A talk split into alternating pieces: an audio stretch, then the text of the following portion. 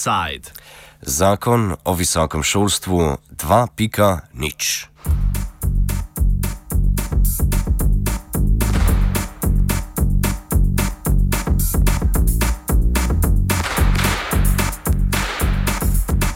Ministrstvo je objavilo nov predlog zakona o visokem šolstvu.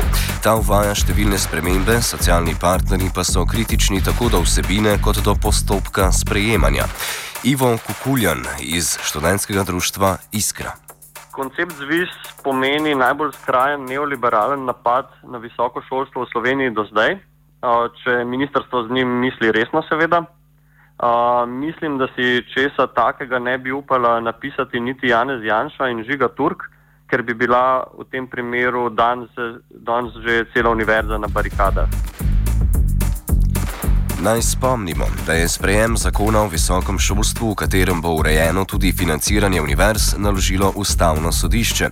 Trenutna ureditev, v kateri je financiranje visokega šolstva vsako leto določeno z uredbo, namreč zaradi ustavi zapovedane avtonomije univerz, ni ustavno. Zato je prejšnja vlada, v kateri je Ministrstvo za izobraževanje, znanost in šport vodil Jrnej Pikalo, lansko leto poskusila sprejeti nov zakon. Ta je bil zavrnjen tako strani študentov kot profesorjev profesorjev. Nov zakon je, kot pove Marko Marinčič iz Visokošolskega sindikata, še bolj radikalen. Ta osnutek je res zelo radikalen in uh, pravzaprav skoraj ničemer ni podoben uh, uh, tako imenovanemu Pikalovemu zakonu, sploh pa ni podoben tisti verziji zakona, ki je bila že skoraj popolnoma usklajena, vsaj z uh, sindikati in javnosti, niti ni natančno znana kaj je torej tako radikalnega v novem zakonu? Prva točka, ki jo izpostavi Marinčič, je dodatno omejevanje demokracije znotraj univerze. V zadnjih letih se krepijo glasovi, da bi bilo potrebno preseči tradicionalen ustroj teh institucij in univerzo demokratizirati. Novi zakon pa. Predvsem uh, zelo uh, oži uh, vpliv zaposlenih in študentov na odločitve o delovanju univerze. Skratka, rektorja, naprimer, ne bi po uh, tem predlogu volil samo senat uh, univerze, se pravi, niti vsi pedagoški delavci in raziskovalci ne, ki imajo zdaj volivno pravico. Kaj šele, da bi vključili tudi nepedagoške uh, delavce, ravno tako se izključuje vedno bolj iz uh, odločanja tudi študente. Potem gre za uh, podkrinko avtonomije, ne, za uh, popolno deregulacijo notranjega ustroja univerze. Eh, notranja ureditev je eh, v veliki meri prepuščena eh, univerzi sami, skratka, ne, tisti zdaj trenutni garnituri, ki je bila sicer izvoljena, ampak ki jih hoče zdaj zakonodajalec v resnici univerzo izročiti, tako rekoč v na milost in nemilost. Um, skratka, ne, ta akademsko-politična uh, klientela, ki ima že zdaj odlič, odločilen vpliv uh, na uh, univerzo, bi si ta vpliv rada zagotovila tudi, uh, tudi formalno. Uh, uh, izjema, kar se tiče te avtonomije, je pa seveda upravni odbor, tukaj se je pa odločil um, predlagatelj za uh, precej večjo natančnost, ker seveda povečuje neposreden vpliv izvršne uh, oblasti na upravni odbor, ki voli poslovnega direktorja, kar je popolnoma nova funkcija. Skratka, govorjenje o avtonomiji je čisti larifari. Zakon uvaja tudi nov postopek napredovanja oziroma habilitacije pedagoških delavcev, nadaljuje Marinčič. Tisto, kar je pa ključno za nas eh, kot predstavnike zaposlenih, ne, je pa ta bizarna ideja, da naj bi se vsi, tudi redno zaposleni pedagoški eh, delavci, vsakih pet let, ko, eh, ko morajo v postopek ponovne izvolitve ali izvolitve v višji naziv, znašli na trgu. Skratka, prijaviti bi se morali na mesto napredovanja ali izvolitve v isti naziv na mednarodni razpis. Vsi razen rednih profesorjev vsakih pet let na trg. Ne, ta ideja se mi zdi tako zelo uh, uh, čudaška. Lanskoletni predlog zakona je v javne univerze uvajal plačljiv študij na prikrit način. Predvideval je združevanje rednega in izrednega študija v skupne predavalnice ter precej povišano število izrednih študentov, torej tistih, ki za študij lahko plačujejo. Novi zakon je na področju poblagovljenja študija precej bolj neposreden in radikalen. V eh, predlogu dejansko piše, da šolnin načeloma. Eh, ne bo, po drugi strani se pa zelo jasno uveljavlja voucherski sistem, ki ga ta trenutek nimamo. Ne. Skratka, voucherski sistem je samo prvi korak k uvedbi eh, šolnin. Ko imamo enkrat študij ovrednoten eh, na tak način v obliki voucherjev, je najmanjši problem uh, uvesti tudi plačljiv uh, študij. Tako imenovani voucherski sistem pomeni, da je študent, ukolikor študija ne zaključi, dolžan povrniti vsaj del stroškov študija. Iz prakse v tujini je znano, da uvedba takšnega sistema, ki študij denarno ovrednoti, slejko prej pripelje, pripelje do pravih šolnin. Kot meni Marinčič, bo to, ukolikor bo financiranje visokega šolstva še naprej tako nizko, kmalo edina rešitev. Kar se tiče druge stopnje in uh, vračanja uh, šolnin, ob neuspelem študiju. Jaz mislim, da je to samo prvi korak k tistemu, kar se bo moralo nujno uh, zgoditi, če bo univerza še naprej tako podfinancirana.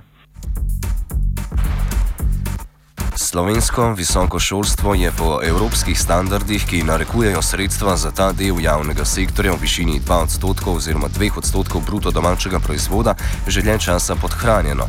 Novi zakon, podobno kot lanski predlog, predvideva višanje financiranja za visoko šolstvo skladno z rastjo BDP, dokler to ne doseže zneska v višini 2 odstotkov BDP. Hkrati z nekoliko nižjo hitrostjo predvideva tudi krčenje financiranja v primeru, da je gospodarska rast negativna negativna, komentira Marinčič. Ja, ne, vse je zelo očitno, da ministrstvo te cilje, ki jih je sicer zapisalo, zapisala tudi eh, koalicija v svojo pogodbo, odlaga v neko ne, eh, bajeslovno prihodnost. Eh, glede na to, da ima namen zakon sprejet do konca leta 2015, ni gotovo niti to, da se bo ta uspon proti dveh, dvem odstotkom BDP začel že leta 2015. 16. Ne. Mislim, da je ministrstvo glede tega zelo odkrito, tudi zelo jasno kaže svojo nemoč v odnosu do finančnega ministrstva, ki drži vse niti v rokah in mu seveda za eh, univerzo, čeprav tudi sami finančni minister z te univerze prihaja in je bil celo predsednik upravnega odbora, ni prav veliko mar. Ne. In eh, ne vem pravzaprav, kako si ministrstvo predstavlja, ne, glede na to, da eh, visokemu šolstvu na mesto, da bi mu dodalo eh, 27 milijonov evrov, kot je podpisalo v socialnem sporazumu, so, sporazumu jemlje 5 odstotkov, kako si sploh predstavlja, da bojo univerze, eh, eh, univerze delovale.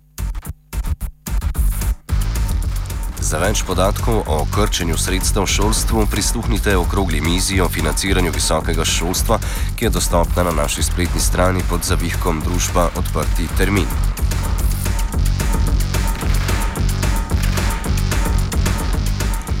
Kljub ve velikim spremembam, ki bi jih ob sprejetju novi predlog zakona uvedel, dokument sploh ni bil usklajevan s socialnimi partnerji, pove predsednik študentske organizacije Slovenije Žiga Šmit.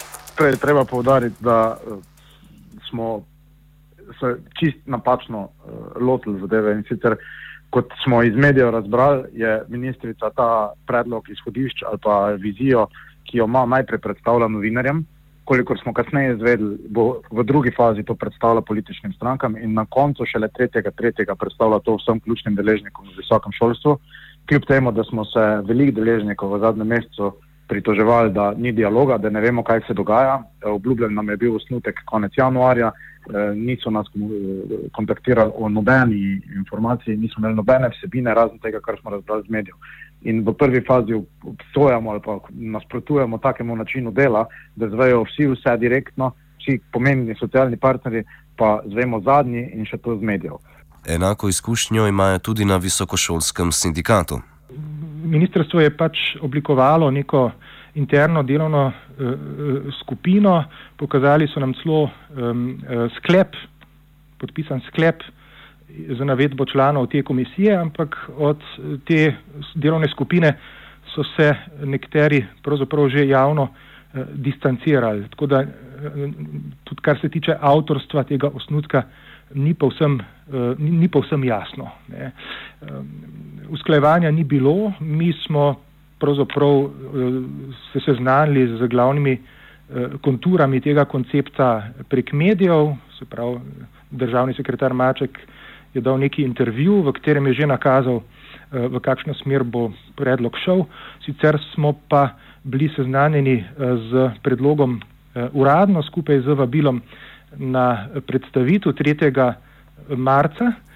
Istočasno je bil pa predlog, ki ga seveda ministerstvo ne, sploh še ni poskušalo usklajevati, tudi javno objavljen. časovnica sprejemanja zakona o visokem šolstvu še ni znana. Na visokošolskem sindikatu pa izpostavljajo, da poleg predlaganega zakona vsaj na Ljubljanski univerzi podobne ukrepe uvaja tudi nov statut, ki je v postopku sprejemanja. Vtis imam, da se e, ministrstvu niti ne mudi preveč. Ne. E, Naprimer, statut Ljubljanske e, univerze bo poskrbel za marsikaj od tega, če bo sprejet, seveda, kar ta zakon predvideva. Skratka, ne, eh, čistka se bo lahko zgodila že zdavnaj pred spremom eh, zakona. Če bo sprejet statut Ljubljanske univerze v tej obliki, kot je bil predlagan, pravzaprav zakon, ki uvaja korporativno upravljanje, sploh ni potreben. V primeru nadaljnega ustrajanja pri novostih, ki jih uvajata omenjena dokumenta, v sindikatu napovedujejo zaostrovanje razmer. Verjetno se bo če bo ministrstvo pri takih predlogih ustrajalo, uresničila želja državnega sekretarja eh, Mačka, ki nas je na filozofski fakulteti javno pozival na ulico, eh, nam javno predlagal, da um, organiziramo stavko. Enako napovedujejo tudi v študentskem društvu Iskra. Ivan Kukuljan povzame vsebino zakona in izpostavi, da se bodo študenti v primeru, da bo ministrstvo ustrajalo, pridružili zaposlenim v boju za ohranitev javnega visokega šolstva. Iz zapisanega lahko slutimo, da želi ministrica ustrajati na pikalovem modelu šolnin, nadgrajuje ga pa ga z voucherji. Koncept zakona verjetno še bolj radikalno kot po pravicah študentov, udarja po pravicah zaposlenih. Uh, upravljanje z univerzo pa se koncentrira v oskem krogu upravnega odbora, kjer univerza niti ne bi imela večine, uh, kar bi pomenilo konec njene avtonomije. Um, poleg slepega nasedanja ideologije univerze kot korporacije, uh, je, mislim, da ministrstvo nasedlo tudi ideji usmerjenega izobraževanja, glede na trenutne potrebe trga, ki se je skozi zgodovino še vsakič do zdaj pokazala kot nedelujoča.